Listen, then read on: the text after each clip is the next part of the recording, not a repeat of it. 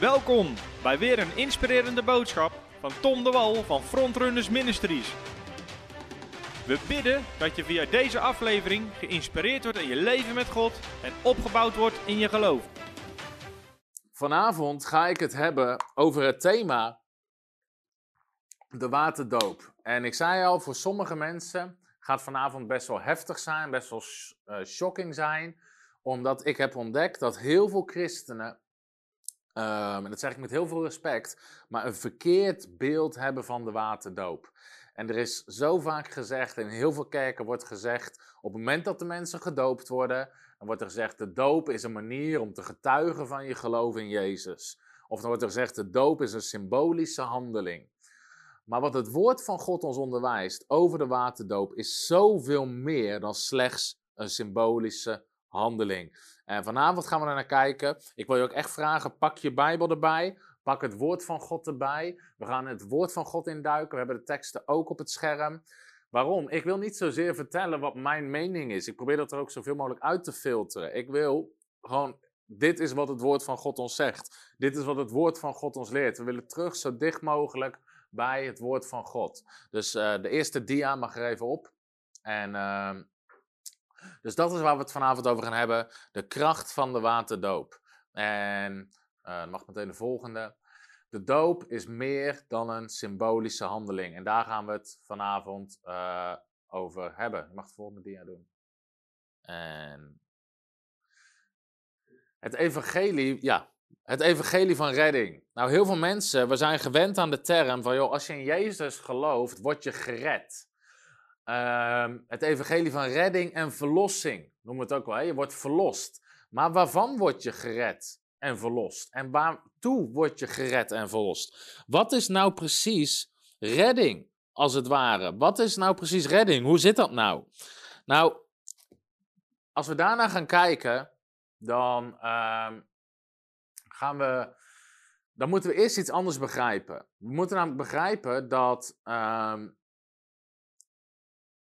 Waarvan worden we gered en waartoe worden we gered? Wat betekent redding? Wat betekent verlossing? Sommige van die termen zijn we zo gewend aan geraakt dat ze bijna cliché zijn geworden. Want dit is namelijk wat heel veel mensen denken. Ik word gered, dat betekent ik geloof in Jezus, mijn zonden worden vergeven en ik ga later naar de hemel.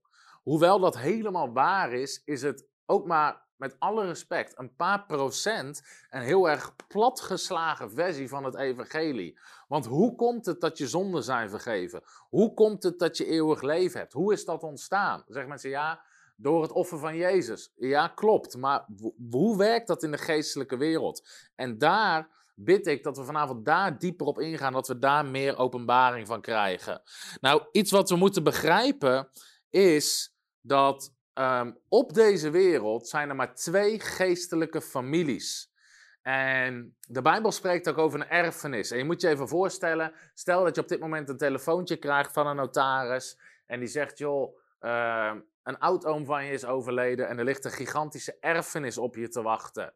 En weet ik veel, die oud-oom die had een paar miljoen een groot landhuis, kunst, van alles en nog wat. Een hele vermogende man. Die is overleden en jij bent enig erfgenaam, zegt die notaris.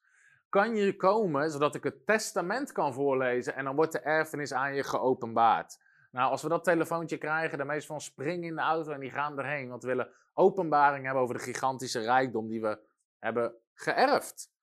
Maar het kan ook zijn dat je gebeld wordt en dat de notaris zegt: joh, meneer, mevrouw, uw auto is overleden. U bent enig erfgenaam, maar uw auto had een gigantische schuld. Heeft honderdduizend euro schuld, een huis wat met verlies te koop staat, weet ik veel wat allemaal. Um, wilt u de erfenis ontvangen? En in Nederland is het zo, je kan kiezen om een schuld niet te erven. Dan zeg je nee, ik hoef die schuld niet. Ik accepteer die erfenis niet. Nou, dat zijn twee natuurlijke voorbeelden van een erfenis die je kan ontvangen. Voor een erfenis heb je niks gedaan een erfenis krijg je vanwege wie je bent. Misschien is, hebben mensen meegemaakt dat een van je ouders of een familielid is overleden en dat je erfgenaam was. Het feit dat jij een erfenis kreeg, heb je niks voor gedaan. Behalve dat je in de familielijn zit. Nou, zo zegt de Bijbel ook dat er in de geestelijke wereld maar twee families zijn. Ik mag even de volgende slide opzetten. In de geestelijke wereld zijn er maar twee families, namelijk die van Adam en die van Christus. En één daarvan is een familie met een gigantische schuld als erfenis. En de andere is een familie met een gigantische rijkdom als erfenis. En iedereen, of dat je nou wil of niet, is erfgenaam. Is erfgenaam. Niet vanwege wat je gedaan hebt, maar ook vanwege gewoon het feit dat je in de familie zit. En ook, we hebben daar wel een rol in wat we doen. En dat gaan we nog wel ontdekken vanavond. Maar in de geestelijke wereld zijn er maar twee erfenissen. Die van Adam en die van Christus. En daar spreekt de Bijbel over. En in de volgende tekst, in Romeinen hoofdstuk 8, vers 17. En Galaten 4, dan lezen we dit. Als wij kinderen zijn, en dat gaat over kinderen van God, dan zijn wij ook erfgenamen. Erfgenamen van God en mede-erfgenamen van Jezus Christus. Hier leert de Bijbel ons dat de kinderen van God hebben een erfenis van Jezus Christus. We zijn mede-erfgenaam van Jezus Christus. Galaten 4 zegt dat ook. U bent erfgenaam van God door Christus Jezus. Er is daar een erfenis van God uh, door Christus Jezus. Romeinen 5, als we Romeinen hoofdstuk 5 lezen, dat gaat eigenlijk over de gevolgen van de zonde en van Adam. De eerste mens die zondigde. Maar dan zegt de Bijbel dit.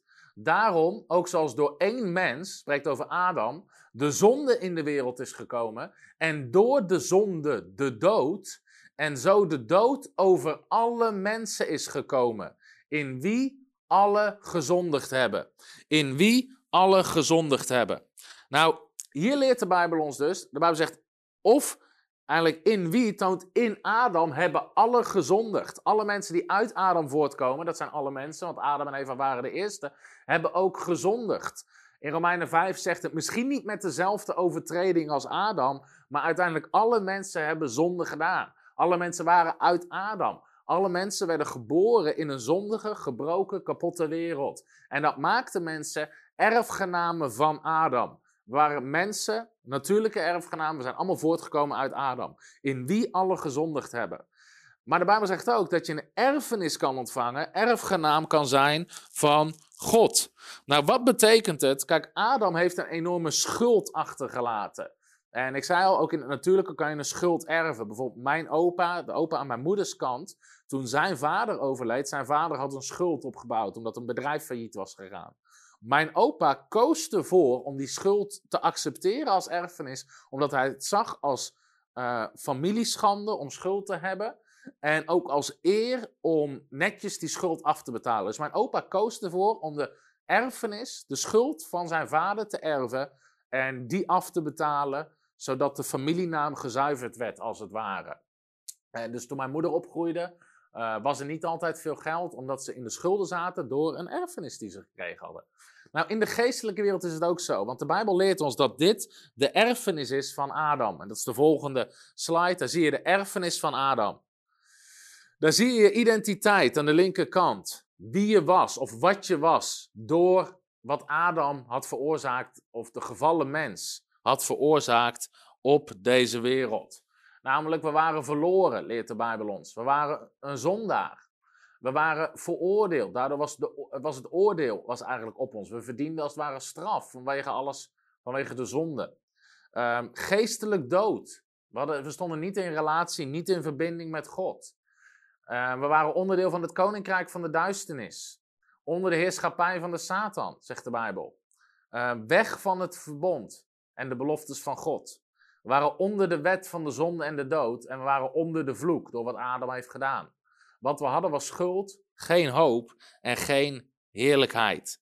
Nou, dit spreekt over Adam en de erfenis. Want de Bijbel zegt in wie alle gezondigd hebben.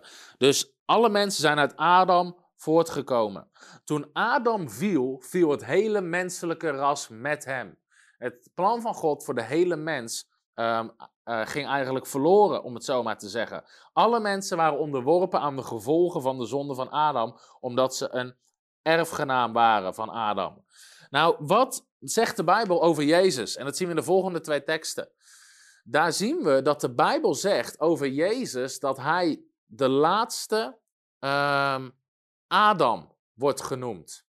En je mag de volgende dia doen. 1 Korinthe 15, vers 45. Zo staat er ook geschreven: de eerste mens, Adam, werd een levend aardswezen. Maar de laatste Adam, en dat gaat over Jezus, werd een levendmakende geest. Romeinen 5, vers 14 zegt dit. Toch heeft de dood geregeerd van Adam tot Mozes toe. De dood regeerde. Ook over hen die niet gezondigd hadden met dezelfde overtreding als Adam. Die een voorbeeld, of eigenlijk staat er een beeld is van hem, van Jezus, die komen zou. Nou, wat zegt de Bijbel hier? Jezus wordt de laatste Adam genoemd. En Jezus, of, uh, er wordt ook wel een beeld, of Adam wordt een beeld van hem die komen zou genoemd, van Jezus. Het betekent niet dat Adam een goed voorbeeld is van Jezus. Het betekent dat er een gelijkenis is tussen Adam en Jezus. En dit is de gelijkenis tussen Adam en Jezus. Dit is wat je goed moet begrijpen. Adam is het hoofd van de gevallen mensheid. En Jezus is het hoofd van de geredde en verloste mensheid. En allebei laten voor hun nageslacht, voor degenen die uit hun voortkomen, een erfenis na. De ene een erfenis van een gigantische schuld en de andere een erfenis van een gigantische rijkdom. En beide families hebben dus een erfenis nagelaten op deze aarde. Ondanks dat ze fysiek niet op aarde aanwezig zijn. En in het volgende overzicht zien we wat het verschil is tussen de erfenissen. Dit is wat we lezen in Romein hoofdstuk 5 onder andere. Um, wat is nou het gelijkenis tussen Adam en Christus?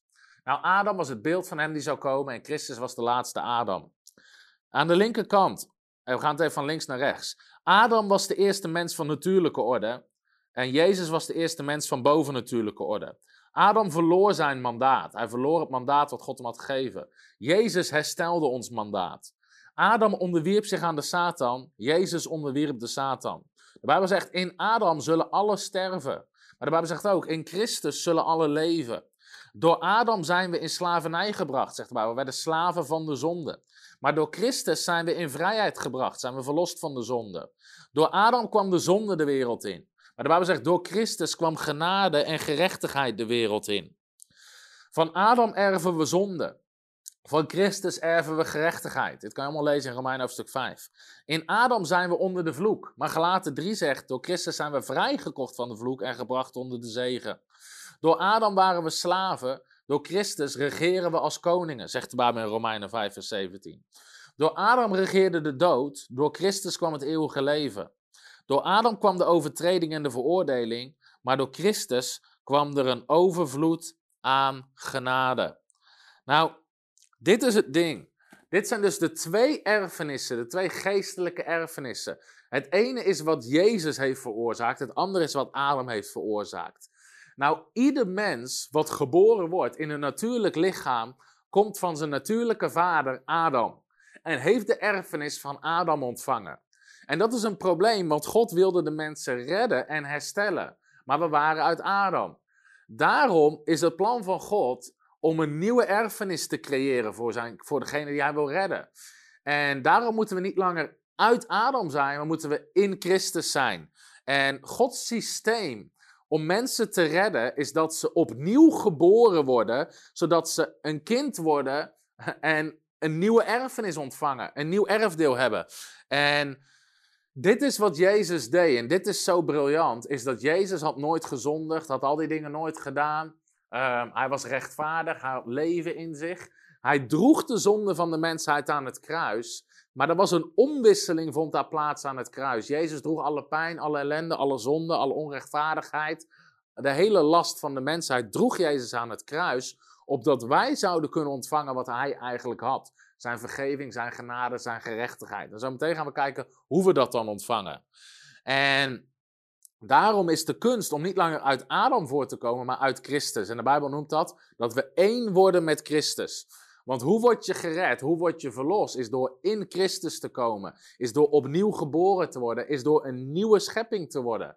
En mag even de volgende dia. Daar staan een aantal teksten.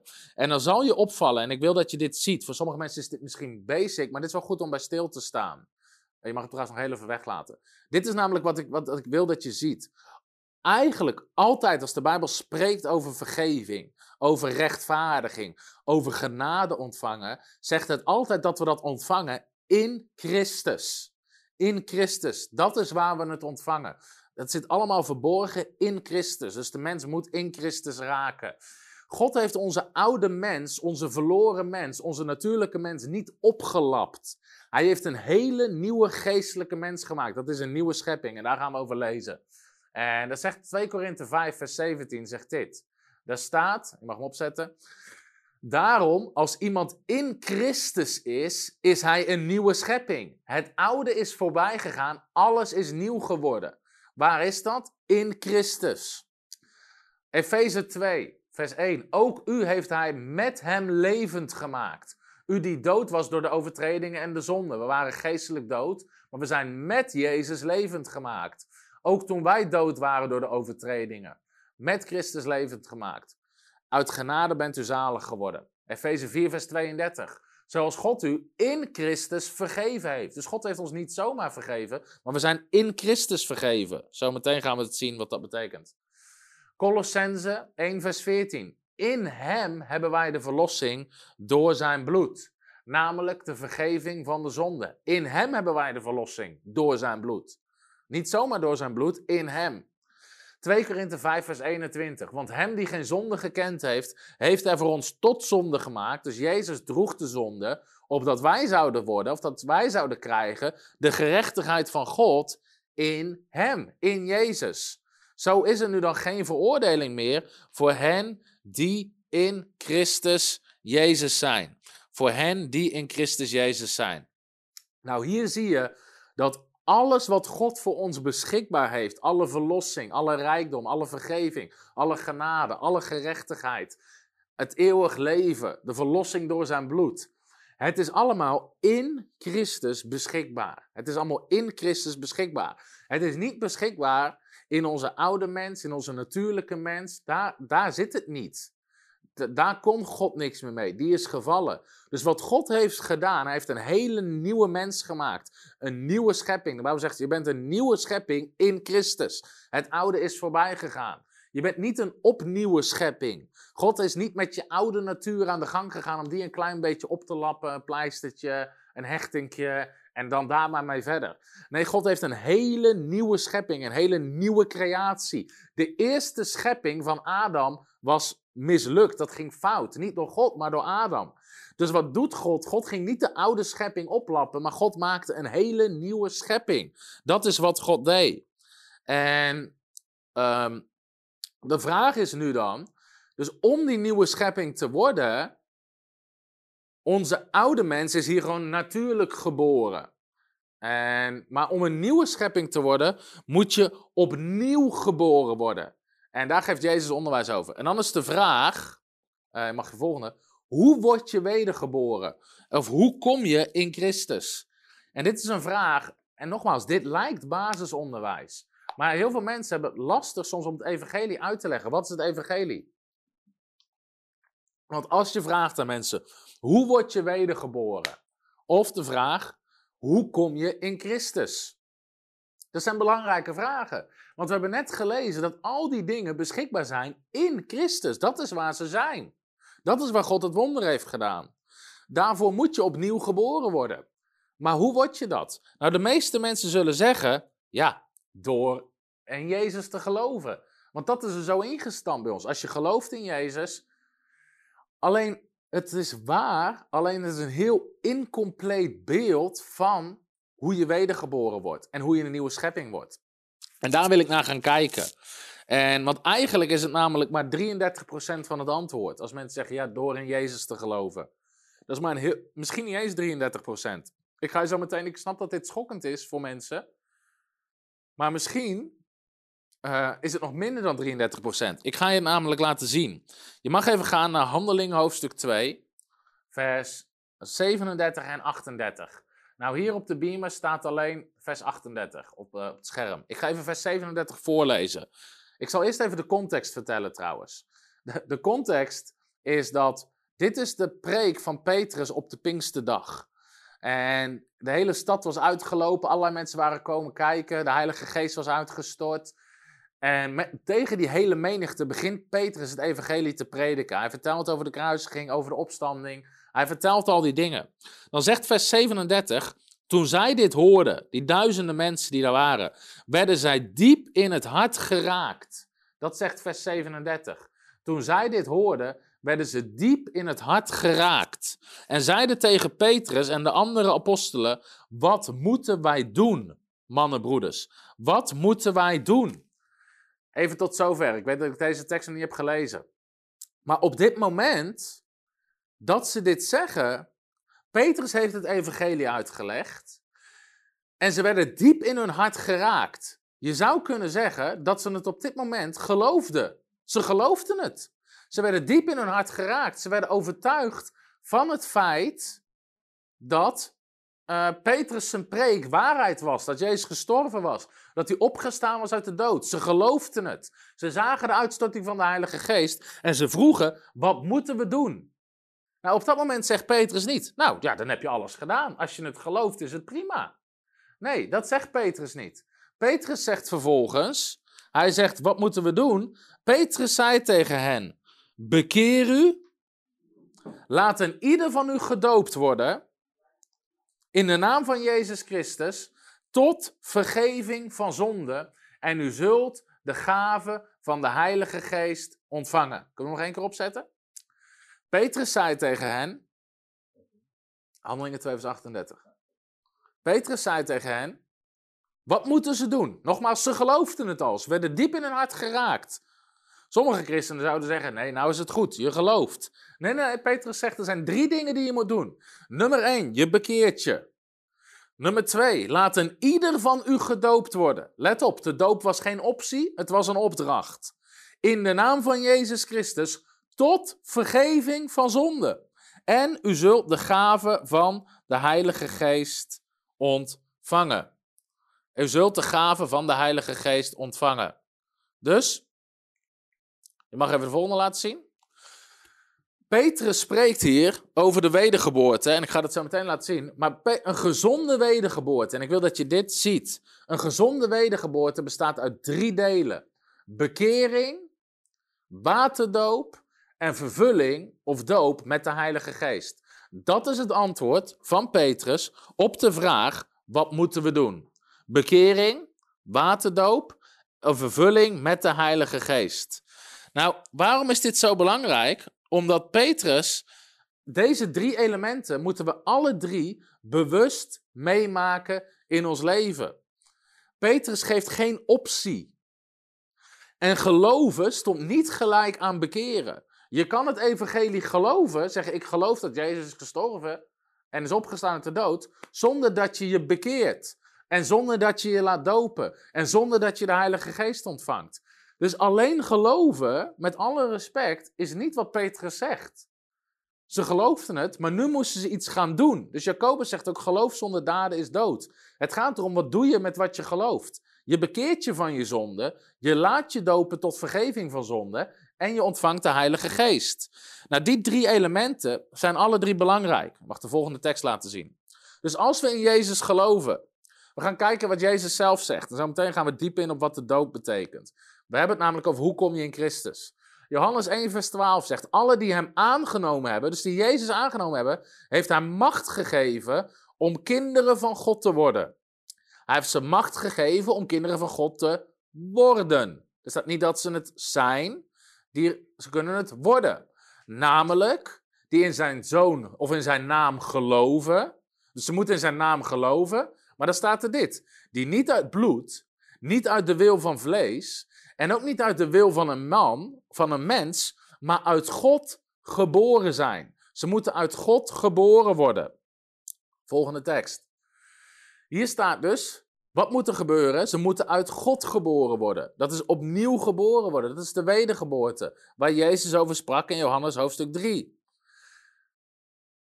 En misschien, uh, deze mag ik trouwens heel even weglaten.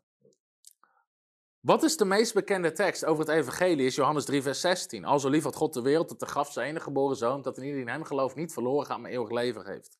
Die tekst wordt vaak geïsoleerd eruit gepakt. Wat mensen vergeten, is dat Jezus daarvoor uitlegt over eeuwig leven en wedergeboren worden en het koninkrijk ingaan. Johannes 3, vers 16 staat niet op zichzelf. Het staat in de context van een gesprek met Nicodemus. Dit staat aan het begin van het gesprek, Johannes 3. Vers 3. Jezus antwoordde hem, hij antwoordt Nicodemus en zei tegen hem: Voorwaar, voorwaar, ik zeg u.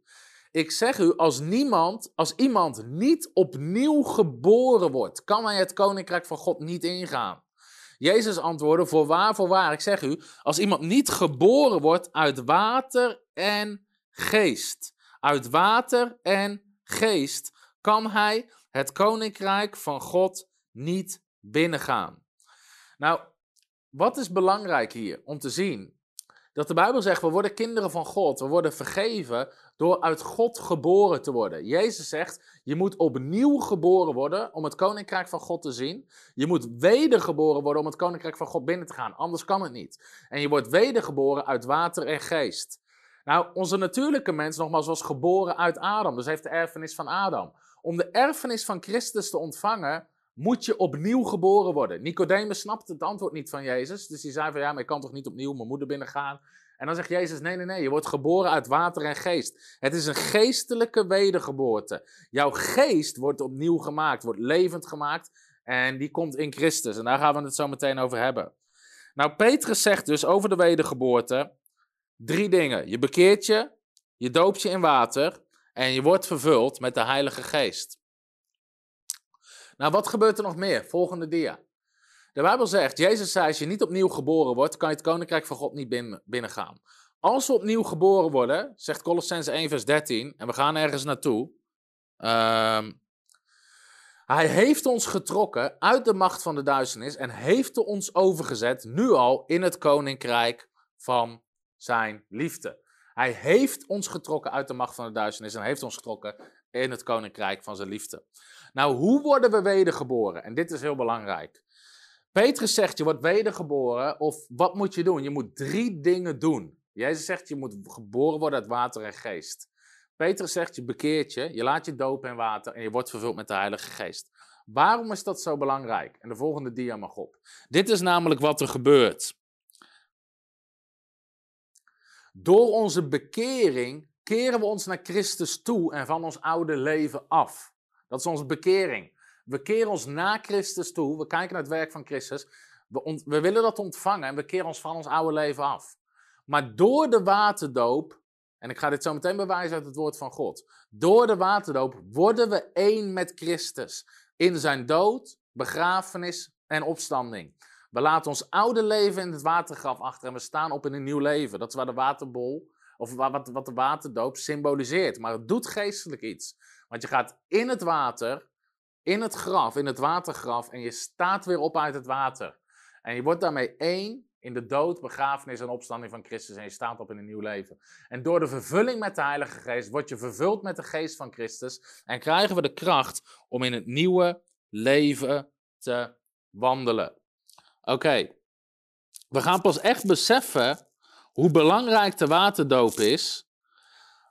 Uh, we gaan pas echt beseffen, en je mag de volgende slide even opzetten, hoe belangrijk alle drie deze elementen zijn als we beseffen dat we door de waterdoop in Christus komen. Nou, ik wil hier niet mensen.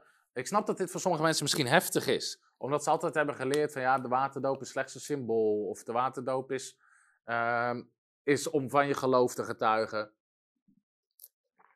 Maar de Bijbel zegt dat door onze waterdoop komen we in Christus.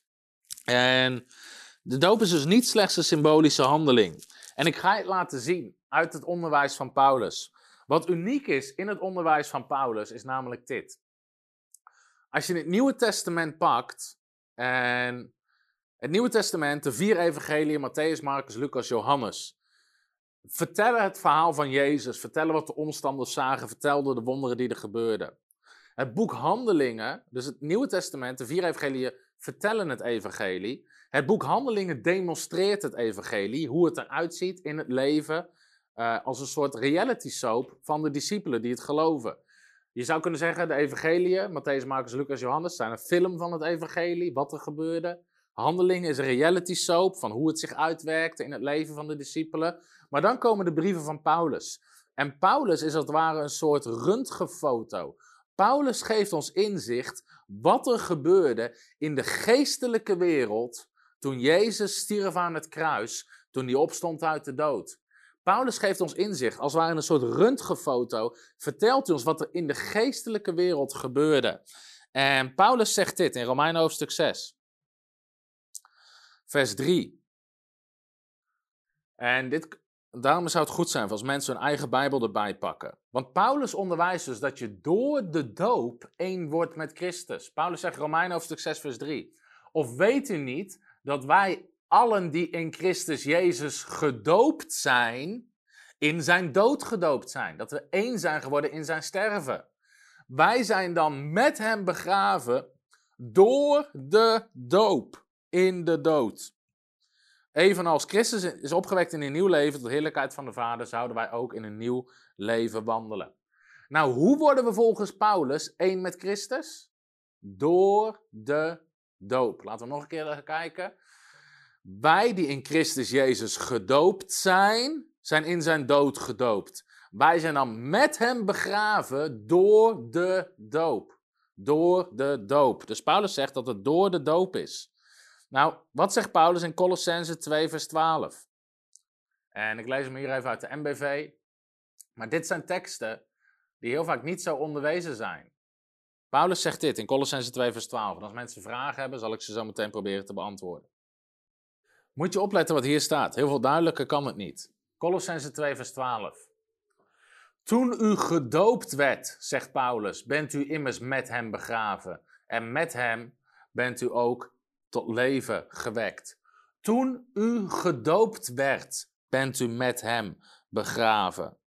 Dus deze teksten, en ik heb er zo meteen nog meer, die vertellen ons dat we uh, door de doop één zijn geworden met Christus. Galaten 3, vers 27. Ik denk dat het twee dia's verder is. Daar zegt Paulus dit. Want u allen die in Christus gedoopt bent, hebt u zich met, hebt met Christus bekleed. Dat is de HSV. Maar de MBV zegt dit. U allen die door de doop één met Christus bent geworden, hebt u met Christus omkleed. Hoe zijn we één met Christus geworden? Of hoe zijn we in Christus gekomen? Zo zou je het ook kunnen verwoorden. Door de doop. Door de doop. Dus deze teksten zeggen letterlijk dat we door de doop één worden met Christus. Door de doop. Het staat er iedere keer zo duidelijk. Nou, dit zijn slechts een paar teksten uh, over, over één worden met Christus door de doop. Maar er zijn zelfs uh, best wel wat Bijbelteksten die zeggen dat we door de doop gered worden. En dat door de doop onze zonden vergeven worden. Dus, um, kan je die slide opzetten? Door de doop vergeven van zonden gered.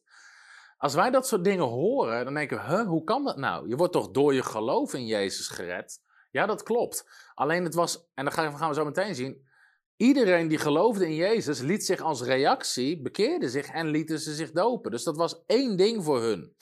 Nou, Handelingen 2 vers 38, die tekst hebben we al een keer gelezen. Maar heb je goed gelezen wat daar staat? Daar staat dit.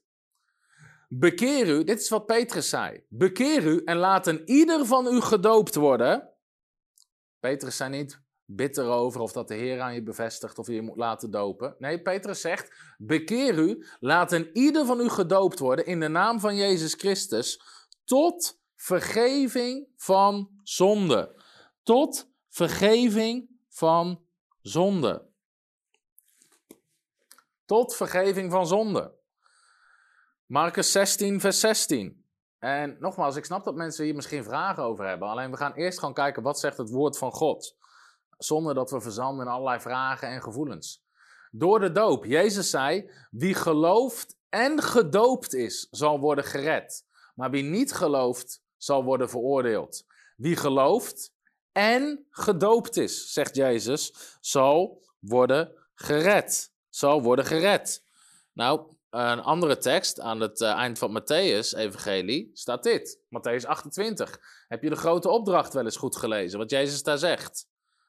Ga dus op weg, maak alle volken tot mijn discipelen, maak alle volken tot mijn volgelingen, door hen te dopen. In de naam van de Vader, de Zoon en de Heilige Geest. Door hen te dopen. Dus wat zegt Jezus? Hoe maak je mensen tot zijn discipelen of zijn volgelingen? Wat is de eerste stap? Door hen te dopen. Wat zei Jezus? Nog een keer, Johannes 3. Wat zei Jezus over wedergeboren worden? Als iemand niet opnieuw geboren wordt, of als niemand, iemand niet geboren wordt uit water en geest, uit water en geest, kan hij het koninkrijk van God niet binnengaan. Je mag hem even weghalen. Als iemand niet geboren wordt door water en geest. Nou, sommige mensen hebben daarvan gemaakt, ja, het waterbad van het woord bedoelt Jezus. Nee, nee, nee, de Bijbel was het toen nog helemaal niet. In de tijd dat Jezus dit zegt, hij kan niet bedoeld hebben de Bijbel. Er was nog geen Bijbel. Pas honderden jaren later werd de kanon, werd de, werd de boeken van het Nieuwe Testament samengevoegd. Dus Jezus doelde niet op het water van het woord. Jezus zegt, als iemand niet opnieuw geboren wordt uit water en geest, daarmee refereert uh, Jezus direct naar Johannes te dopen. Die zegt: Ik doop wel met water, maar degene die na mij komt, zal u ook dopen met de Heilige Geest. En Jezus zegt: Als iemand niet opnieuw geboren wordt, door water en geest kan hij het koninkrijk van God niet binnengaan. Al deze teksten verbinden het binnengaan in het koninkrijk van God, verbinden het vergeving van zonde, verbinden gered worden aan uh, een wedergeboren worden en dus aan de doop. Paulus schrijft dit aan Titus. Daar zegt hij: Hij maakte ons zalig, dus we werden gered door het bad van de wedergeboorte door het bad van de wedergeboorte en de vernieuwing door de Heilige Geest. En de vernieuwing uh, door de Heilige Geest. Hij maakte ons zalig door het bad van de wedergeboorte. Uh, dus al deze teksten, Paulus noemt letterlijk de doop het bad van de wedergeboorte. Het bad waarmee je wedergeboren wordt, waarmee je opnieuw geboren wordt. Paulus zei, door de doop word je één met Christus. En gaan we zo meteen nog dieper op in. Ik heb nog, uh, ik heb nog een paar teksten die dit duidelijk, nog duidelijker maken. Wat schrijft Petrus over de doop? Want Petrus die schreef in, of in Handelingen 2, zei hij, bekeer je, laat je dopen tot vergeving van zonde. Nou, wat zegt Petrus hier over de doop? 1 Petrus 3 vers 20 is dat. Dit is een hele uh, schokkende tekst misschien, maar wel duidelijk. Petrus schrijft dit. Petrus vergelijkt de doop en het doopwater hij schetst een vergelijking tussen het doopwater en de ark van Noach. Petrus zegt dit in 1 Petrus 3, vers 20. In de ark werden slechts enkele mensen, acht in totaal, van de watervloed gered. Dus van het water van oordeel. En dat water is een voorafbeelding of bevat een gelijkenis van het water van de doop, waardoor u nu wordt gered. Waardoor u nu wordt gered. De doop was niet het vuil van uw lichaam. Het is een vraag aan God om een zuiver geweten. Hierom kunt u vragen dankzij de opstanding van Jezus Christus. Nou, kijk eens goed wat Petrus daar zegt. Het doopwater, het water van de doop, waardoor u nu wordt gered. Waardoor u nu wordt gered. Nou, Petrus pakt de gelijkenis, en ik ga het je zo meteen laten zien, tussen het water in de tijd van Noach en het doopwater. En uh, net zoals Adam een voorbeeld was of het beeld was van Christus, niet dat ze gelijk waren, het was een, er zat een gelijkenis in. Het was eigenlijk meer een tegenbeeld daarvan. Ze bereikten het tegenovergestelde. Zo is ook het water van Noach is het tegenbeeld van het water van de doop. Want wat deed het water bij Noach? Het water bij Noach bracht uh, oordeel, uh, bracht Gods oordeel en het was geen water van genade, maar mensen gingen erdoor verloren. En Petrus zegt, het is het tegenbeeld van de doop, waardoor je nu gered wordt. Dus je mag de volgende even met dat schema. Hier zie je Petrus en het doopwater. Wat zegt Petrus hier? Het water in de tijd van Noach, staat aan de linkerkant. Het water in de tijd van Noach bracht oordeel voor mensen die niet geloofden en zich niet bekeerden. Mensen werden ondergedompeld in het oordeel en de straf van God. Mensen gingen erdoor verloren. Maar Noach werd gered van het water. Noach werd gered van het water. Wat zegt Petrus? Het is het, tegen, het is het tegenbeeld van de doop, waardoor u nu wordt gered. Wat doet het doopwater? Brengt genade voor mensen die geloven en zich bekeren. De gelovigen worden ondergedompeld in de genade, vergeving en acceptatie van God. Gelovigen worden erdoor gered. En worden gered door het water. Niet van het water, maar door het water. Nou, al deze dingen maken duidelijk, al deze teksten, je wordt uh, één met Christus door de doop. Al die dingen maken duidelijk dat de doop wel degelijk meer is dan een symbool. Of wel degelijk meer is dan iets om te getuigen van Jezus. Sterker nog, omdat het. Uh, uh, omdat. Uh, nou, ik ga eerst nog één andere tekst. De volgende tekst in Colossense 2009. Ik zou we gaan veel teksten doen. Uh, maar nog heel even weghalen. Het ding is namelijk, als we de teksten van het Nieuwe Testament in zijn context lezen, dan zie je dat altijd Paulus verwijst naar de doop. Als het gaat om redding, één worden met Christus, opnieuw geboren worden. Soms trekken mensen de teksten uit de context en zeggen dan, zie je, je wordt, uh, weet je, dat spreekt gewoon over vergeving van zonde. Maar het, is altijd ergens gelinkt aan het worden van een nieuwe schepping, opnieuw geboren worden en de doop. Kijk Colossense 2 vers 9. Uh, daar staat, is die tekst hier net op. Want in hem, in Jezus, woont heel de volheid van de Godheid lichamelijk. En u bent volmaakt geworden in hem. In Christus zijn we volmaakt geworden. Die het hoofd is van iedere overheid en macht. In hem bent u ook besneden met een besnijdenis die niet met handen plaatsvindt door het uittrekken van het lichaam van de zonde van het vlees. Moeilijke woorden, maar eigenlijk in hem zijn we bevrijd van onze oude natuur, van onze oude mens, van onze zondige natuur, van onze erfenis van Adam. Door de besnijdenis van Christus. En dan legt Paulus uit hoe dat gebeurd is. U bent immers met hem begraven in de doop. Waarin u, uh, en dit is die tekst die we net in de MBV lazen, waar staat: U bent uh, één geworden met hem door de doop. Waarin u ook met hem bent opgewekt door het geloof in de werking van God, die hem uit de doden opgewekt heeft. En dan staat er, en hij heeft u, toen u dood was in overtredingen en onbesneden zijn van vlees, met hem levend gemaakt en al uw overtredingen vergeven. Nou, dat laatste stuk, hij heeft ons met hem levend gemaakt en al onze overtredingen vergeven. Kunnen we niet loslezen van die regel daarvoor, waar Paulus zegt dat we één zijn geworden met hem door de doop. Dus die twee dingen kan je niet loskoppelen van elkaar. Om al die dingen even aan te tonen, de doop is niet slechts een symbolische handeling. En de doop doet echt iets. En daarom zie je ook dat in het boek Handelingen ze er ontzettende haast mee maakten om mensen te dopen. Het was niet een manier om te getuigen van je geloof. Het was niet zomaar een symbolische handeling. Die 3000 mensen in Handelingen 2, vers 38, die aan Petrus vroegen: Wat moeten we doen? Petrus zegt: Bekeer je, laat je dopen. En je zal de gaaf van de Heilige Geest ontvangen. Deze hebben we denk ik niet op de dia.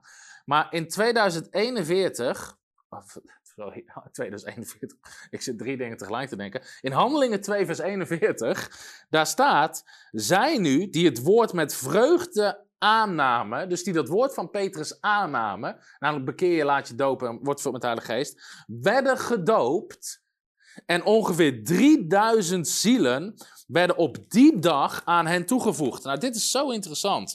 Weet je, ik hoop dat je houdt van dit vaste voedsel uit het woord van God. Ik ga hem gewoon. Kunnen we deze camera hierboven pakken? Handelingen 2. Kijk, daar staat dit. Dus dit zijn de mensen die. Uh, kijk, als, als we deze geestelijke waarheden gaan begrijpen. Hier zei Petrus: bekeer je, laat je dopen en ontvang vergeving van zonde en je zal de gaaf van de geest ontvangen. Dan staat er, uh, want voor u zijn de beloften en voor u van de kinderen. Uh, met veel meer andere woorden legt hij getuigenis af en spoorde en laat u behouden uit dit verkeerde geslacht. Eh, laat u behouden uit deze verkeerde generatie. Maar ook eigenlijk uit de erfenis van Adam. Zij nu die het woord met vreugde aannamen. Let op, even tot zover. Hier staat al in vers 37, die mensen werden diep in hun hart geraakt. Toen vroegen ze, wat moeten we doen? Petrus zegt, bekeer je, laat je dopen en je zal de gaaf van de Heilige Geest ontvangen. Ze, ze geloofden het. Ze werden diep in hun hart geraakt. Ze hebben het met vreugde aangenomen. Nou, heel veel mensen zouden zeggen, nou, dat is toch prima. Ze geloven het, ze hebben het aangenomen, ze hebben het met vreugde aanvaard. Wat wil je nog meer? Nee, nee, nee. Peter zegt, je bekeert je. En je laat je dopen, mag weer even terug, tot vergeving van zonde, zegt hij hier. Je laat je dopen tot vergeving van zonde. En op het moment dat ze gedoopt werden, zegt de Bijbel dit. Zij nu die het woord met vreugde aannamen, werden gedoopt. En ongeveer 3000 zielen werden op die dag aan hen toegevoegd. Aan hen toegevoegd. Wie, aan wie werden ze toegevoegd? Aan de familie van God, aan de apostelen, aan de discipelen, aan die 120 in de bovenkamer. Ze werden toegevoegd aan hun op het moment dat ze het geloofden, aannamen en gedoopt werden. Op dat moment zegt de Bijbel, ze werden aan hen toegevoegd. Oké, ehm, Paulus. We gaan even kijken naar uh, Paulus. Ehm, volgende tekst. Paulus die had een ontmoeting met Jezus. Hij vervolgde eerst Jezus. Op een gegeven moment ontmoette Jezus. Hij zegt, Heer, wat moet ik doen? Eerst zegt hij, wie bent u Heer? En vervolgens zegt hij, wat moet ik doen? Jezus zegt, ga naar de stad en wacht daar op instructies. Um, dan staat er, um, oh je mag trouwens de volgende. Hier kom ik zo meteen op.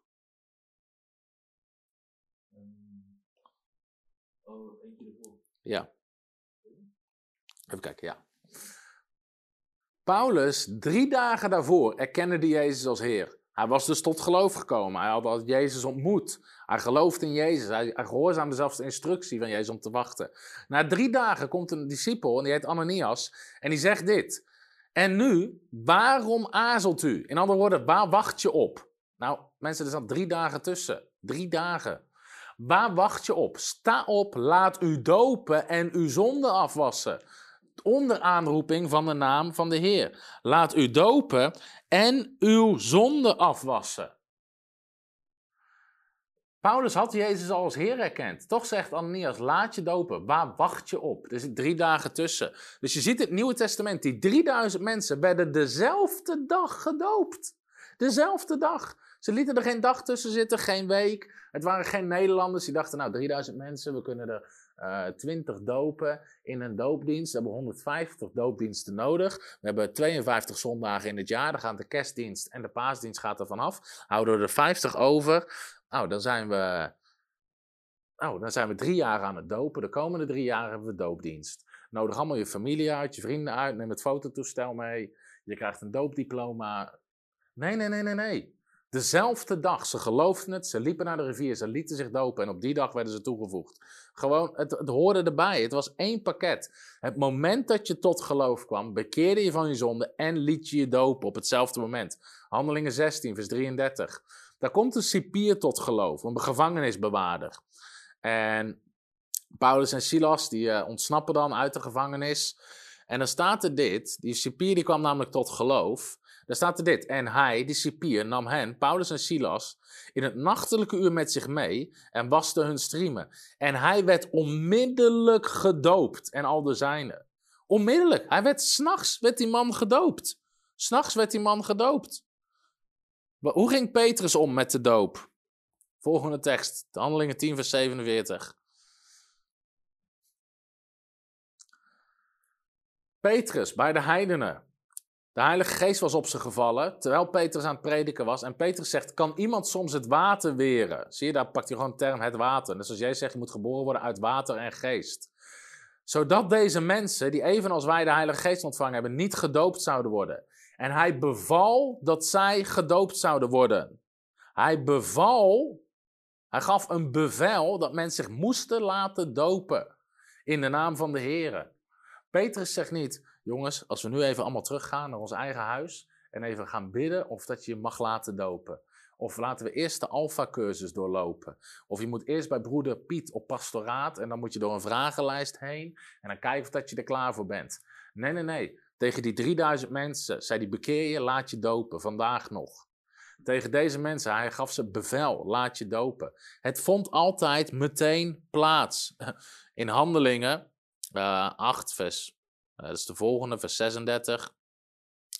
Tekst na tekst na tekst. Filippus legt de kamerling het evangelie uit. Terwijl ze onderweg waren, kwamen ze bij een water. De kamerheer zei, kijk, daar is water. Wat verhindert mij om gedoopt te worden? Filippus zei, als u met uw heel uw hart gelooft, is het geoorloofd. Hij antwoordde, zei, ik geloof dat Jezus Christus de Zoon van God is. Hij liet de wagen stilhouden. Hij daalde af naar het water, zowel Filippus als de kamerheer, en hij doopte hem. Meteen werden ze gedoopt. Meteen werden ze gedoopt. Volgende tekst, Handelingen 8. Hier zie je Filippus de evangelist in Samaria. Dan staat er, toen Filippus hen door de verkondiging van het koninkrijk van God en de naam van Jezus Christus tot geloof had gebracht, lieten ze zich dopen, meteen. Zowel mannen als vrouwen. Toen de apostelen in Jeruzalem dat hoorden, dat ze maar het woord van God aan hadden genomen, stuurden ze Petrus en Johannes. En toen die aangekomen waren, baanden ze voor hen dat ze de Heilige Geest mochten ontvangen. Want er was nog op niemand van hem gevallen, ze waren alleen gedoopt in de naam van de Heer Jezus. Toen legden zij hun de handen op en ontvingen zij de Heilige Geest. Hier zie je heel duidelijk de drie verschillende. Die mensen kwamen tot geloof, ze bekeerden zich. Vervolgens lieten ze zich dopen en vervolgens ontvingen ze de Heilige Geest. En dat was een complete, gezonde wedergeboorte. Oké, in al deze teksten zie je dat de doop voor hun niet zomaar een symbool was. Paulus zegt, door de doop ben je met Christus gestorven. Door de doop ben je één geworden met Christus. Door de doop ben je in Christus. Laat je dopen en je zonde afwassen. Ehm, laat je dopen tot, tot vergeving van zonde. Petrus zegt, door de doop word je gered. Jezus zegt, je wordt geboren uit water en geest. Uh, Paulus schrijft naar Titus over de doop, het bad van de wedergeboorte. Het hoort bij elkaar. Het, een gezonde wedergeboorte bestaat uit bekering, waterdoop, vervulling met de Heilige Geest. Het is eigenlijk een drie-eenheid. En wij hebben ze in onze tijd losgekoppeld. Mensen geloven, nou, weet je, langzamerhand bekeren ze zich soms van wat dingen. Sommigen zijn ook heel radicaal, hoor daar niet van. Nou, dan weet je, hoor je nog in een doopdienst. Ja, ja, ik ben nou toch drie jaar geleden hier terechtgekomen. En ja, de Heer heeft vorige week echt aan mij bevestigd dat ik me mocht laten dopen. Met alle respect. Maar je, hoeft, hebt geen bevestiging nodig. Petrus zei niet bid voor bevestiging. Al 2000 jaar lang staat het in het woord van God wat onze bevestiging is, wat onze zekerheid is. Laat je dopen. Het is geen optie, het is een opdracht. Jezus zegt, wie gelooft en gedoopt zal zijn, zal worden gered. Maak alle volken tot mijn discipelen door ze te dopen. Altijd is het één geheel. Nou, je mag even de volgende slide. Want we hebben dus gezien, vergeving, verzoening, verlossing, al die dingen ontvangen we in Christus. In Christus. Nou, hoe komen we in Christus? Uh, die mag. Nog een keer Romeinen 6. Weet u niet dat wij die door de doop in Christus zijn, zijn gedoopt in zijn dood? Wij zijn door de doop in zijn dood met hem begraven, zoals Christus door de macht van de Vader uit de dood is opgewekt in een nieuw leven zouden wandelen. Als wij delen in zijn dood, delen we ook in zijn opstanding. Immers, wij weten dat onze oude bestaan met hem gekruisigd is, omdat er een einde moest komen aan ons zondige leven. We mochten niet langer slaven van de zonde zijn. Wie gestorven is, is rechtersvrij van zonde. Wanneer wij met Christus gestorven zijn, zullen we ook met Christus leven. Wat zegt Paulus hier? We zijn met hem gekruisigd, zegt hij in Romeinen uh, eh, 6, vers 6. Uh, eh, we zijn met hem gekruisigd. We zijn met hem gestorven. We zijn met hem begraven. En we zijn met hem levend gemaakt. Maar hoe kwam dat? Door de doop. Weet u niet dat wij door de doop in Christus zijn, in zijn dood, dat we één geworden zijn met Hem. En um, de Bijbel zegt zelfs dat we met Hem opgestaan zijn en ook dat we met Hem verheerlijkt zijn. Dat klinkt misschien schokkend, maar dan mag je even voor onderteksten. Ik weet dat we een hele hoop teksten behandelen, maar ik wil vooral het woord van God laten spreken. De Bijbel zegt ook dat we in Christus of met Christus verheerlijkt zijn. Zijn wij nu kinderen, dan zijn we ook erfgenamen. Erfgenamen van God en mede-erfgenamen van Christus Jezus. Daar hebben we het over gehad. De erfenis van Christus. Zijn, zijn rechtvaardigheid, genezing, vergeving, verlossing. Al die dingen, zijn heiligheid. Immers indien wij delen in zijn lijden, is dat ook om te delen in zijn verheerlijking. Romeinen 8, vers 29 zegt, want hen, dat spreekt over ons, die hij van tevoren gekend heeft, God heeft ons van tevoren gekend, heeft ons van tevoren toe bestemd om aan het beeld van zijn zoon gelijkvormig te worden, om Jezus te gaan lijken, opdat hij de eerstgeborene zou zijn onder vele broeders. Jezus was de eerste die opstond uit de dood. En hen, die hij van tevoren toe bestemd heeft, die heeft hij ook geroepen. God heeft ons ook geroepen. En hen die hij geroepen heeft, heeft ook gerechtvaardigd. God heeft ons gerechtvaardigd. We hebben rechtvaardiging ontvangen. En die hen die hij gerechtvaardigd heeft, heeft hij ook verheerlijkt. Nou, zo meteen gaan we kijken hoe, je dat, hoe dat eruit ziet. Maar wat is de wedergeboorte? Wat doen die drie onderdelen? En waarom is het één geheel? En ik ga straks ga ik vragen beantwoorden, want ik snap ook dat het vragen opsomt. Wat is de wedergeboorte? Ten eerste, wedergeboorte is bekering. Dat is de eerste stap. En bekering is eigenlijk met, en je mag die slide opzetten, is met hem gekruisigd. Door onze bekering kijken we naar het kruis. We worden ons bewust van onze zonde en schuld, zoals de hele mensheid de gevolgen droeg van de straf die Adam droeg kan ook de hele mensheid de gevolgen dragen van de straf die Christus droeg voor ons.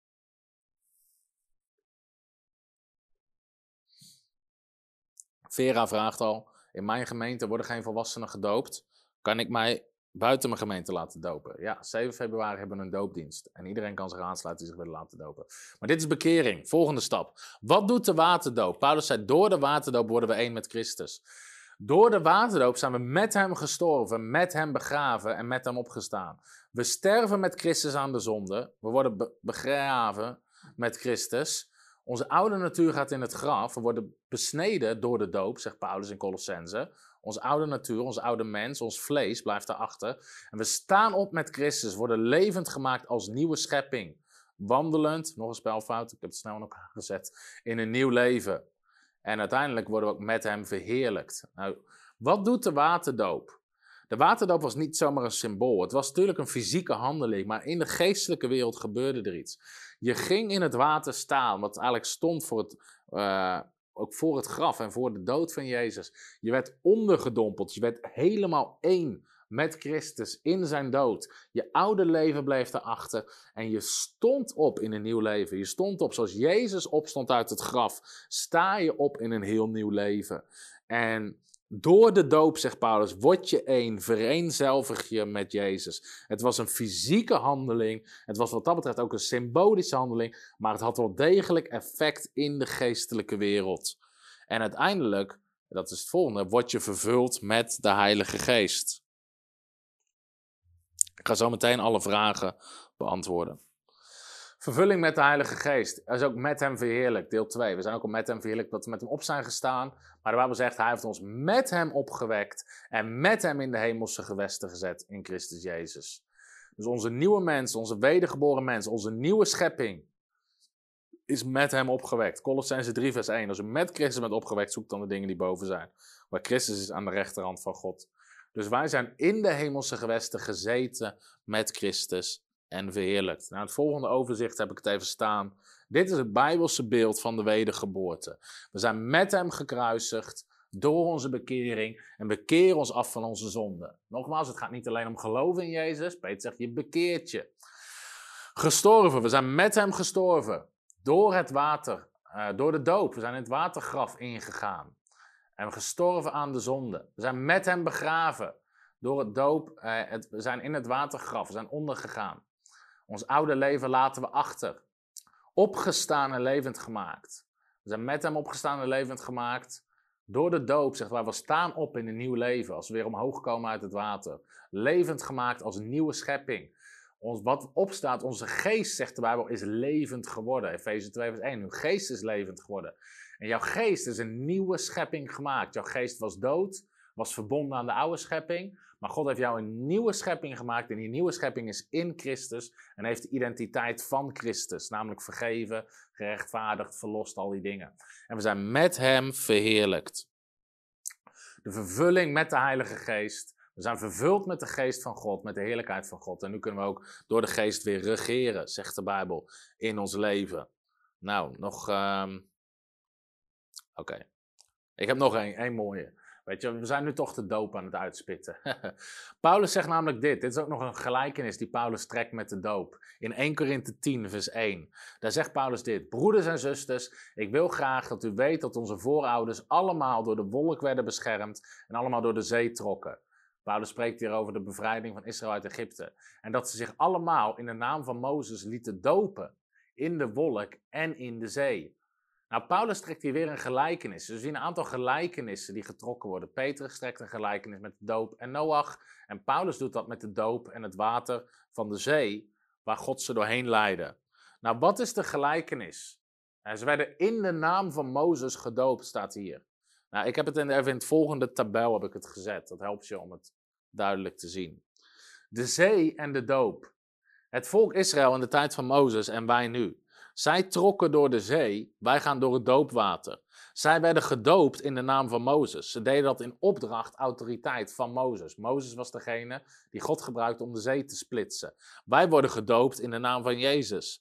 Mozes was de verlosser van Israël. Jezus is de verlosser van ons. Mozes spleet de zee. Jezus spleet voor ons de zee. Jezus spleet onze onmogelijkheid. Jezus stond op uit het graf. En het was genade, ook al bij Mozes, want het was onmogelijk om dat in eigen kracht te bereiken. Ze lieten Egypte achter. En de Bijbel zegt, u bent Jij zegt, door water en geest word je wedergeboren, word je in het koninkrijk, ga je het koninkrijk binnen. Paulus zegt, Colossens 1 vers 13, je bent overgezet van het koninkrijk van de duisternis, van de macht van Satan, naar het koninkrijk van God. Zij lieten het leger van Egypte achter, wij laten de heerschappij van Satan achter. Het leger van de vijand kon hen niet volgen. Ook in ons leven, het leger van de vijand kan ons niet volgen door de doop heen. En de wolkolom spreekt van de Heilige Geest. Als een wolkolom, als een vuurkolom, het vuur van de Heilige Geest. Ze hadden Gods leiding door de wolk, wij hebben Gods leiding door de geest. God leidde hen weg uit Egypte, God leidt ons weg uit de duisternis. Hij leidde hen naar het beloofde land, de geest leidt ons in het koninkrijk. En uh, God was met hun door de wolk en de vuurkolom. En God is in ons en met ons door de vervulling met de Heilige Geest. Dus dit is de gelijkenis die Paulus trekt over de doop en Mozes. Nou, in al deze dingen, alle teksten van het Nieuwe Testament, alle teksten die ik heb voorgelezen, als je ze bestudeert, is het eigenlijk wat dat betreft vrij simpel. De doop is niet zomaar iets symbolisch. Alle teksten zeggen dat de doop daadwerkelijk iets doet. Door de doop wordt u gered. Door de doop ontvangt u vergeving van zonde. Door de doop bent u één met Christus. Door de doop bent u besnijden uh, van, van uw vleeselijke lichaam. Uh, door de doop gaat u het koninkrijk binnen. Al die dingen verwijst naar de doop. Alleen bekering was niet genoeg. Alleen geloof was niet genoeg. Als je christen wilde worden, uh, moest je wedergeboren worden. Je moest een nieuwe schepping worden. Je moest in Christus komen. En je werd in Christus, zegt Paulus, je bent één met Christus door de doop. U bent met Christus in de doop. En die nieuwe schepping ontving de erfenis van Jezus. Ontving zijn verlossing, zijn genezing, uh, zijn, zijn vergeving, zijn rechtvaardiging. Dat is de erfenis van Christus. Dus als wij het hebben over redding en geloven in Jezus, dat is de volgende slide. Weet je, heel vaak zeggen mensen, ja, je wordt gered door te geloven in Jezus. Dat klopt. Alleen de vraag is dus, wat betekent het geloven in Jezus? Daarom zei ik net al, al zo lief had God de wereld dat hij gaf zijn enige geboren zoon, dat iedereen in hem gelooft. Die tekst staat niet op zich.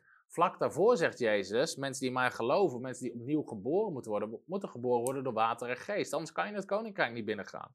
Dat is hetzelfde hoofdstuk. Dus een gezonde wedergeboorte is wat dat betreft een drie-eenheid.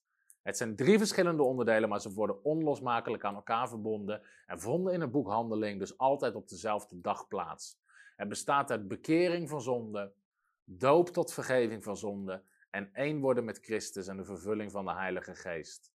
Door de doop wordt je zonde vergeven, word je één met Christus. Een vervulling met de Heilige Geest voor kracht in het nieuwe leven. Het zijn drie stappen die één geheel vormen. Door de wedergeboorte zijn we een nieuwe schepping. En in of één met Christus en Gods eeuwige koninkrijk binnengegaan. Oké, wat is de volgende slide?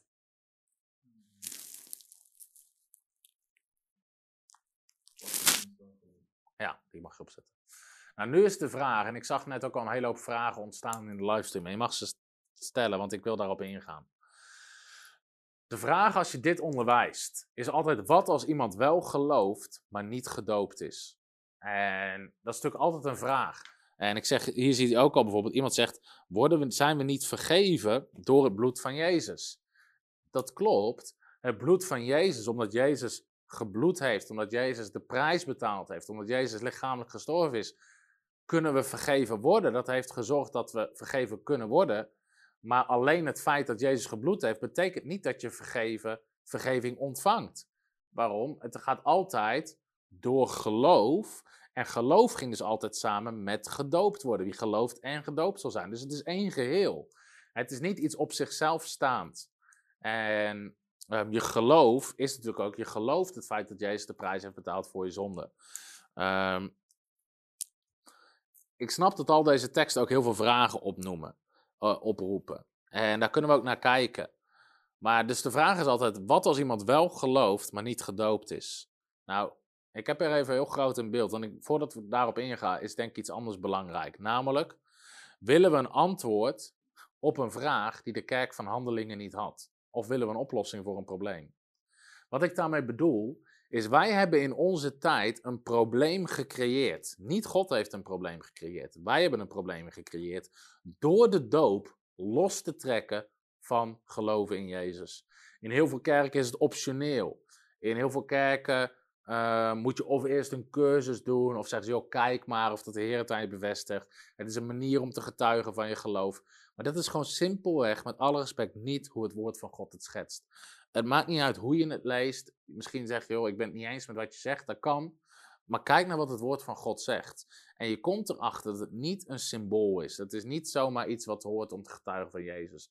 Dus de vraag, dus eigenlijk het ding is, wij hebben een probleem gecreëerd wat ze toen niet hadden. Iedereen die geloofde was gedoopt, want het vond plaats op dezelfde dag, desnoods in dezelfde nacht. Als mensen drie dagen wachten, zeiden ze, joh, wat wacht je lang, wat duurt het lang? Ze kregen het bevel, mensen die het geloof kwamen, oké, nou moet je je laten dopen.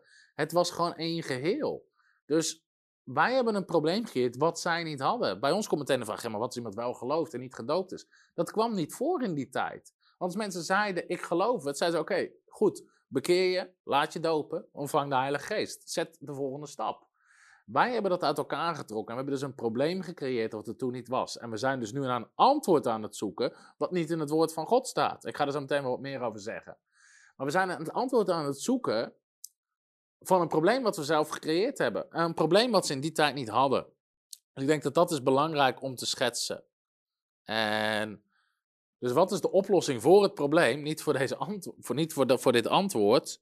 Ehm, de oplossing is simpel. De doop is geen symbolische handeling om te getuigen van je geloof in Jezus. De doop is onderdeel van een gezonde wedergeboorte. En dat is weer wat we moeten gaan prediken. Mensen moeten wedergeboren worden, ze moeten opnieuw geboren worden. Op die manier word je een nieuwe schepping. Op die manier ga je het koninkrijk van God binnen. Op die manier ontvang je de erfenis van Christus. En daar is de doop is gewoon onderdeel van een gezonde wedergeboorte. En we zouden terug moeten naar dat model van handelingen. Niet die dingen uit elkaar trekken. Gewoon, dit is wat het woord van God zegt. Dus, ik heb ook in de volgende slide gezet, je hebt geen bevestiging nodig, je hebt gehoorzaamheid nodig. Dus als mensen deze video zien en ze zijn niet gedoopt, uh, niet gedoopt als volwassenen, niet hun bewuste keus, want Filippus zei, wanneer mag je gedoopt worden? Vroeg de Kamerling, zei Filippus, als je gelooft met je hele hart.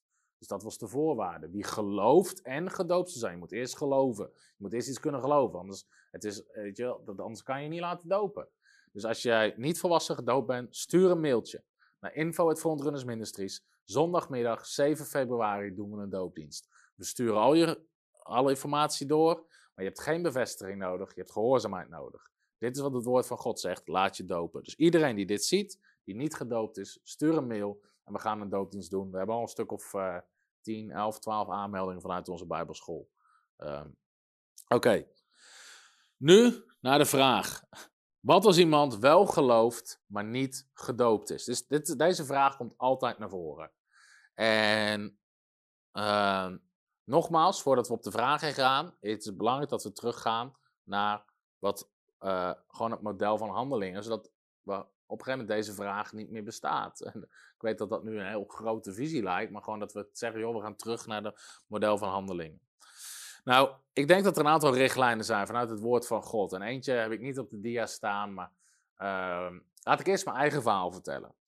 Toen ik tot geloof kwam, op een gegeven moment, ik hoorde het evangelie, ik opende mijn hart ervoor, langzaam maar zeker. En op een gegeven moment was ik in een dienst, was ik op een weekend en er werd het evangelie gepreekt. Ik kreeg zelfs een visioen van Jezus in die dienst. Jezus stond voor mijn ogen en Jezus zei tegen me, Tom, als je al je problemen aan mij geeft, los ik ze voor je op. En met die ervaring, met, met alles wat daar gebeurde, kwam ik tot geloof. Ik geloofde in Jezus. Ik geloof dit is waar. Dit is het evangelie. Ik had Jezus, ik had hem letterlijk gezien. Ik heb hem ontmoet in een visioen. Diezelfde dienst werd er een oproep gedaan voor de doop in de Heilige Geest, voor vervulling met de Heilige Geest. Weet je, ik ging naar voren, er werd voor me gebeden, mensen legden handen op, baden voor me.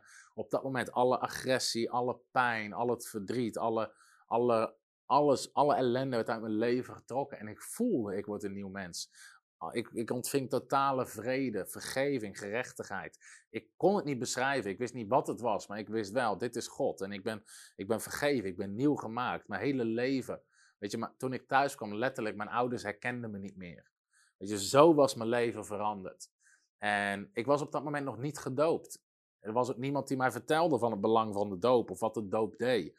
In die tijd werd mijn beleving meer verteld, ja, de doop is om te getuigen van je geloof. Of is een mooie dit of dat. Maar ik wist gewoon niks over de doop. Maar ik wist wel één ding 100% zeker.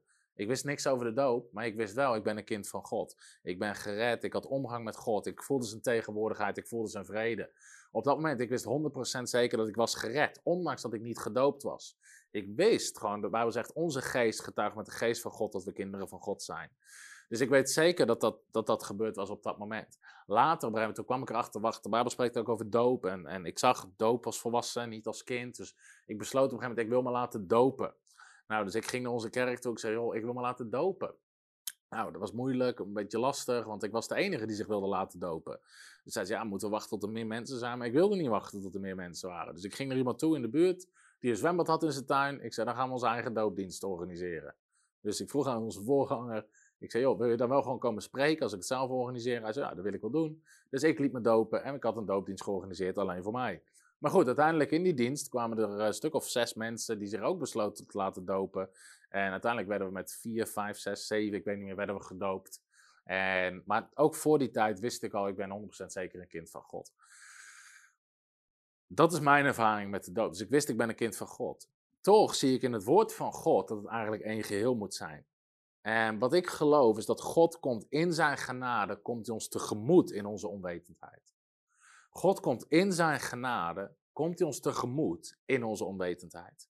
En Paulus zegt dit, hij zegt op een gegeven moment dit in 1 Timotheus, hij zegt, uh, mij is barmhartigheid uh, bewezen, omdat ik het in onwetendheid heb gedaan, uh, in ongeloof. In ongeloof. Dus Paulus zegt, joh, God is genadig geweest, want ik heb het in onwetendheid gedaan. Ik wist het gewoon niet, ik heb het in ongeloof gedaan.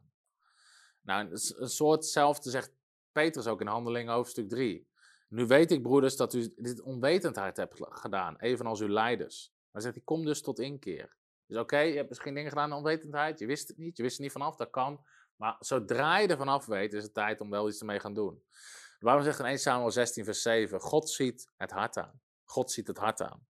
Dus ik denk dat dat heel belangrijk is. God kijkt uiteindelijk echt naar ons hart. Stel ons vertrouwen, stel ons geloof op het offer van Jezus. Um, dat is het belangrijkste. En als we dan dingen in onwetendheid doen, is God genadig, is God barmhartig. Maar, maar, dat lost niet het probleem op wat we hebben in de kerk vandaag de dag. Dus we kunnen nu niet meer zeggen van ja, nou, ik wist het niet hoor, dus we gaan gewoon zo door. Nee, nee, nee. Je bent nu niet meer in onwetendheid. We hebben nu gezien wat het woord van God zegt. Dus nu moeten we ook terugkomen naar wat het woord van God zegt. Weet je, het feit dat God barmhartig is, zien we ook uh, uh, aan de misdadiger die naast Jezus hing aan het kruis. Weet je, hij op het laatste moment stelde hij zijn geloof in Jezus. En Jezus zegt, vandaag nog zul je met mij in het paradijs zijn. Dus hij, had, hij was ook niet gedoopt. Hij had die gelegenheid niet. Um, weet je, hij had de gelegenheid niet omdat hij het gewoon fysiek niet kon. Hij hing aan het kruis. Sommige mensen hebben de gelegenheid niet omdat ze er gewoon simpelweg niet vanaf wisten. Alles wat we in onwetendheid doen, of waar we niet de verantwoording voor hebben, die zin, omdat we het gewoon niet wisten of niet konden, in die dingen komt God in zijn eindeloze rijkdom van genade, komt hij ons tegemoet. En zal hij genadig zijn en barmhartig zijn. En zo heb ik dat ook ervaren in mijn eigen leven. En tegelijkertijd zie ik nu in het, in het woord van God hoe het één geheel is, hoe het een gezonde wedergeboorte is. En geloof ik dus dat we daar naar terug moeten keren. Dus dat we dat uh, weer moeten gaan doen. Dus als je je wil laten dopen, nogmaals, 7 februari is een doopdienst. Stuur een mail via het contactformulier op frontrunnersministries.nl of naar info.frontrunnersministries.nl En we gaan zorgen dat we je dopen. Omdat het gewoon onderdeel is van de gezonde wedergeboorte. Ik snap ook dat mensen, uh, dat dit misschien nieuw is voor mensen, dat dit overweldigend is. Want al die vragen die het oproept, ja maar wat dit, wat dat, wat zus. Dus daarom hoop ik ook met dat laatste antwoordje daarin gerust te stellen. Uh, maar ik wil je ook wel aanmoedigen, joh, ga hier iets mee doen. En weet je, ik wil mensen, ik snap ook misschien dat dit schokkend is voor sommige mensen of heftig. Daarom heb ik ook vooral geprobeerd om het woord van God te laten spreken. Gewoon door tekst naar tekst naar tekst. We hebben niet één tekst, we hebben niet twee teksten. Ik denk dat we wel twintig teksten vanavond hebben gezien. Die spreken over de doop. En we moeten dat zien gewoon als wedergeboorte in het geheel. Je gelooft de boodschap van het evangelie. Je bekeert je van je zonde. Je laat je dopen in water en je ontvangt de Heilige Geest. Dat is een gezonde wedergeboorte. En door de wedergeboorte, omdat we opnieuw geboren worden, wordt onze geest wordt levend gemaakt. En we worden één met Christus in zijn sterven in zijn graflegging, in de opstanding, in het nieuwe leven. Onze geest wordt één met die van Jezus. We ontvangen de identiteit van Jezus. En in Hem zit die verlossing, vergeving, rechtvaardiging, genade. Al die dingen zijn in Hem beschikbaar. Het zit allemaal in je nieuwe schepping. Je bent een nieuwe schepping geworden. Het spreekt niet over je fysieke lichaam. Het spreekt ook niet over je ziel, over je redenatie, over je denken. Het spreekt over je geest. Je geest is een nieuwe creatie. En die nieuwe creatie, zegt de Bijbel in Efeze en in Colossense, heeft de identiteit van Christus ontvangen. Je bent in Christus. 150 keer gebruikt Paulus de term in Christus. U bent in Christus. Paulus zag zichzelf als één met Christus. En daardoor ontving hij ook de erfenis van Christus. Dus ik wil nu ook tijd nemen om vragen te beantwoorden. Dus als je vragen hebt, zijn we live geraakt op YouTube of niet? Nee, dus als je vragen hebt, stel dan dat gewoon in de Facebook-chat. En dan ga ik ze proberen te beantwoorden. Iemand vraagt: spreek je ook in andere gemeentes? Uh, ja, ehm, ik spreek regelmatig in andere gemeentes. Ik kan niet alle uitnodigingen accepteren. We krijgen zoveel uitnodigingen binnen dat dat simpelweg niet kan. Dus uh, ik kijk gewoon waar het past in het schema. Of het is iets, is iets waar we mee kunnen bouwen. Waar we ervaren vanuit God veel. Dit is een open deur waar we op in moeten gaan. Maar als mensen, iedere uitnodiging die binnenkomt, overwegen we serieus. Laat ik het zo zeggen. Even kijken, wat zijn nog meer vragen? Misschien heb je je vraag eerder gesteld, maar kan je hem ook even opnieuw stellen, want dan komt hij weer uh, bovenaan. Iemand zie ik. Uh, nou, ik denk dat ik een van die vragen heb beantwoord. Wat gebeurt er met mensen die als katholiek als baby gedoopt zijn? Nou, dat geldt niet alleen voor katholieken, dat geldt ook voor protestanten, die zijn vaak ook als baby gedoopt. Ik denk dat we daar ook de lijn van Paulus in aan kunnen houden. Paulus zei, als mensen hebben het vaak in onwetendheid gedaan. Ze hadden gewoon geen kennis van de waterdoop. Daarbij vind ik het wel belangrijk om te zeggen, is we zien nergens in het Nieuwe Testament dat kinderen gedoopt worden. Ehm, het komt gewoon niet voor, omdat geloven met heel je hart was een voorwaarde voor Filippus. Een kind kan niet geloven met heel zijn hart. Bovendien zegt de Bijbel, um, dat, kijk, het argument dat vaak gebruikt wordt, zegt ze ja, maar uh, met zijn hele huis werd hij gedoopt. Het staat bijvoorbeeld over Handelingen hoofdstuk 10, over Cornelius werd met zijn hele huis gedoopt. Zegt ze ja, dus ook de kinderen werden gedoopt. Nee, want er staat dat de geest van God viel op allemaal. Ze begonnen allemaal te spreken in tongentaal en ze begonnen allemaal te profiteren. Nou, dat lijkt niet over baby's te spreken van acht dagen oud of weet ik hoe oud ze meestal zijn. Hoe oud ze meestal gedoopt worden? Een week, twee weken, drie weken, vier weken? Of een maand of twee maanden, weet ik veel. Het waren in ieder geval geen baby's die daar in tongentaal begonnen te spreken en begonnen te profiteren. Nee, dat waren volwassen mensen. Dat waren mensen ook die Petrus konden horen. Ze hoorden het evangelie dat Petrus uitlegde. Dus, eh, dus ze begrepen het, ze ontvingen de Heilige Geest. Dus het gebruikt over volwassenen. Dus dat is heel belangrijk. In het woord van God zien we niet de opdracht om baby's te dopen. Waarom? Je moet geloven. Eh, je moet het evangelie geloven. Dus dat zien we niet. Maar als mensen het inderdaad onwetendheid hebben gedaan, maar wel hun geloof en vertrouwen stellen op Jezus Christus om gered te worden, geloof ik dat God genadig is. Maar zodra ze de waarheid zien in het woord van God, hebben ze de verantwoordelijkheid om er iets mee te doen. En daar wil ik heel duidelijk in zijn. Want sommige mensen zeggen, ja, maar ja, mijn familie vindt er iets van. Met alle respect, maar daar heb je niet zoveel mee te maken. Want Paulus zegt, of, in handeling staat, we moeten God meer gehoorzaam zijn dan mensen. Wat mensen er ook van vinden. We hebben, de doop is geen optie, de doop is een opdracht. Zodra je de kennis van hebt, ben je verantwoordelijk. En moet je er iets mee doen. En Petrus zegt niet laat je dopen tenzij je familie er iets van vindt. In die tijd verloor je al je aanzien ook als je christen werd, als je je aansloot bij de kerk. Maar mensen lieten zich dopen, omdat ze gewoon beseften dat het een opdracht was van God. Christa vraagt, mijn dochter wil zich laten dopen. Hoe oud moet je zijn? Nou, sommige kerken hanteren daar verschillende richtlijnen in.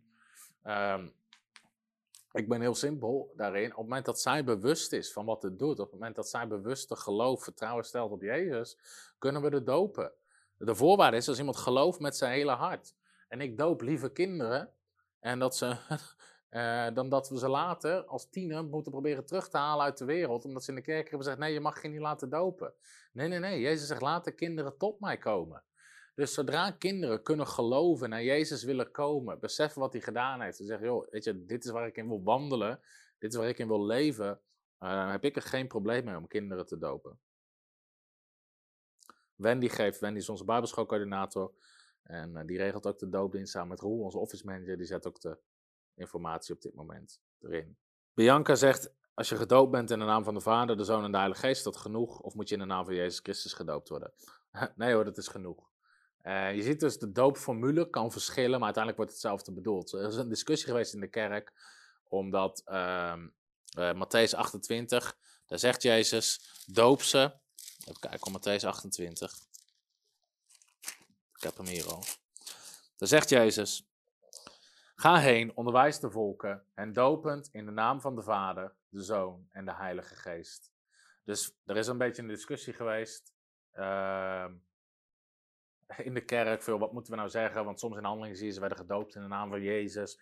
Dus vaak wat ze doen is, we dopen je in de naam van de Heere, God, Jezus, Zoon, Christus betekent gezalfde Heilige Geest. Dus vaak wordt dat als doopformule gebruikt, maar we moeten daar niet in wettisch zijn. Het gaat erom wat het, wat het doet en wat het betekent.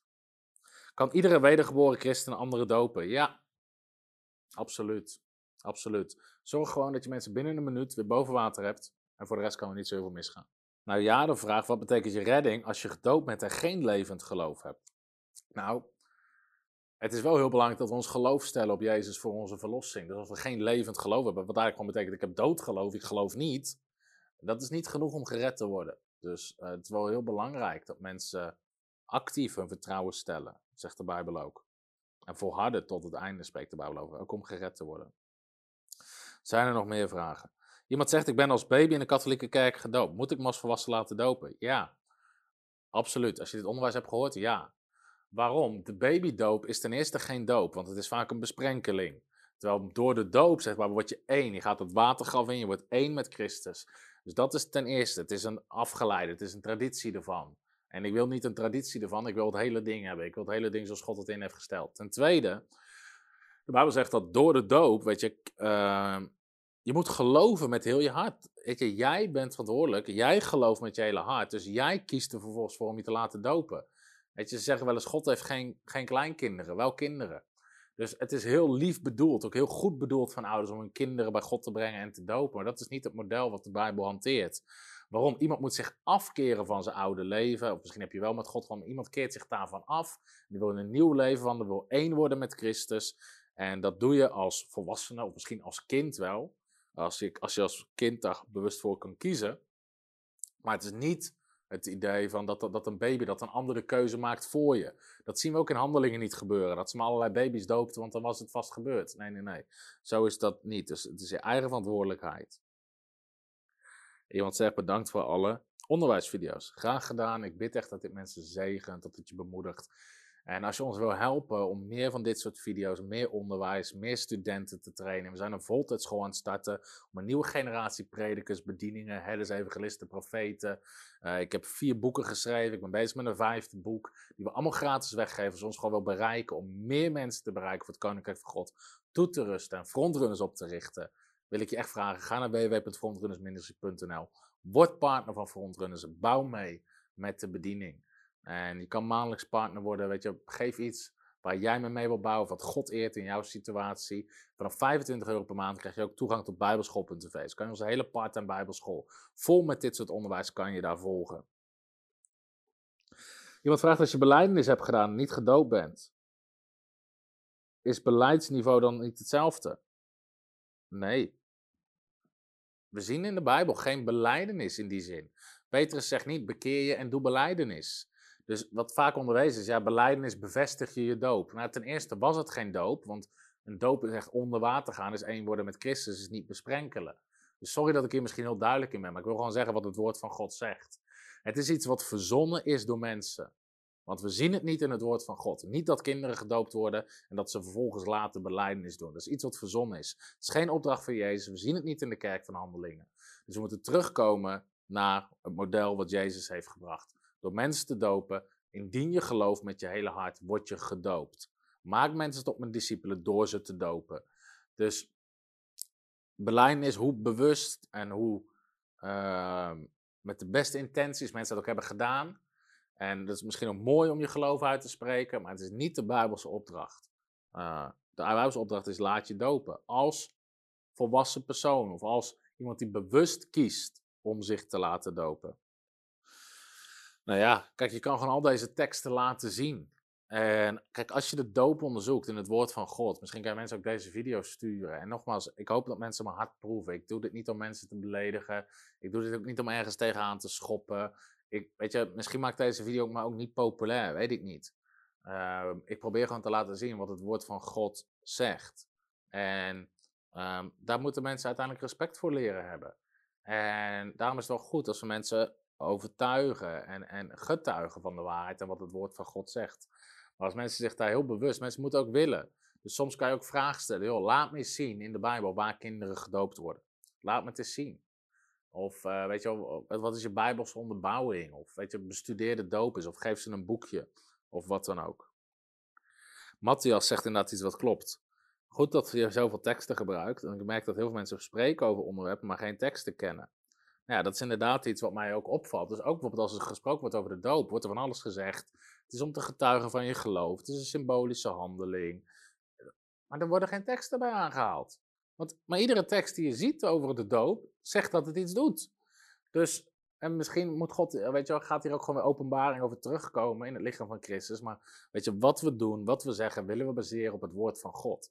En niet één tekst die op meerdere keren, manier, meerdere manieren geïnterpreteerd kan worden. Maar tekst na tekst na tekst. Gewoon kijken, wat zegt het woord? Wat zegt het woord? Wat zegt het woord? Hartstikke bedankt dat je gekeken hebt. Nogmaals, als je ons mee wilt bouwen, we staan in geloof voor honderden extra partners. We zijn namelijk ook bezig om een nieuw gebouw uh, daarna te verhuizen, waar we meer studenten kwijt kunnen, een voltijdschool kwijt kunnen, grotere conferenties kunnen doen. Dus als je daarin mee wilt bouwen, zaai een zaad. Geef je tiende op onze tiende rekening of word partner als je nog geen partner bent. Misschien kan je partnerschap verhogen als, het je, als de bediening je zegent en je wil meer meebouwen. Ik dank je er hartelijk voor. Ik bid een honderdvoudige vrucht op alles wat je zaait. Ik bid ook voor openbaring over dit onderwijs. En God zegen je in Jezus' naam. Tot ziens. Wist jij dat de Bijbel zegt in 3 Johannes 1, vers 8 dat je een medearbeider wordt van de waarheid als je partner wordt van een bediening?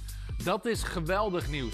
Want dat betekent dat wanneer jij partner wordt van frontrunners, jij mee hebt gewerkt aan de honderdduizenden mensen die wij bereiken en toerusten met het woord van God door onze video's en door onze boeken. Het betekent dat jij mee hebt gewerkt aan de mensen die genezen worden, die bevrijd worden, die gevuld worden met de Heilige Geest. Het betekent dat je meewerkt aan de duizenden mensen die we trainen om te wandelen in hun roeping. Onder andere door onze Bijbelscholen. Al die vrucht en al dat resultaat is ook vrucht van jouw leven als je partner bent. Want je bent een medearbeider geworden. Dat is de kracht van partnerschap. Wil jij ons helpen om nog meer mensen te bereiken en toe te rusten voor Gods Koninkrijk? En deel te hebben aan de vrucht van wat we doen?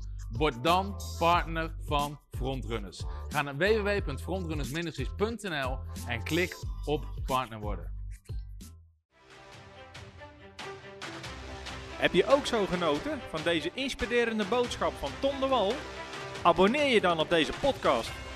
Volg ons op Facebook en op Instagram en kijk op onze website frontrunnersministries.nl.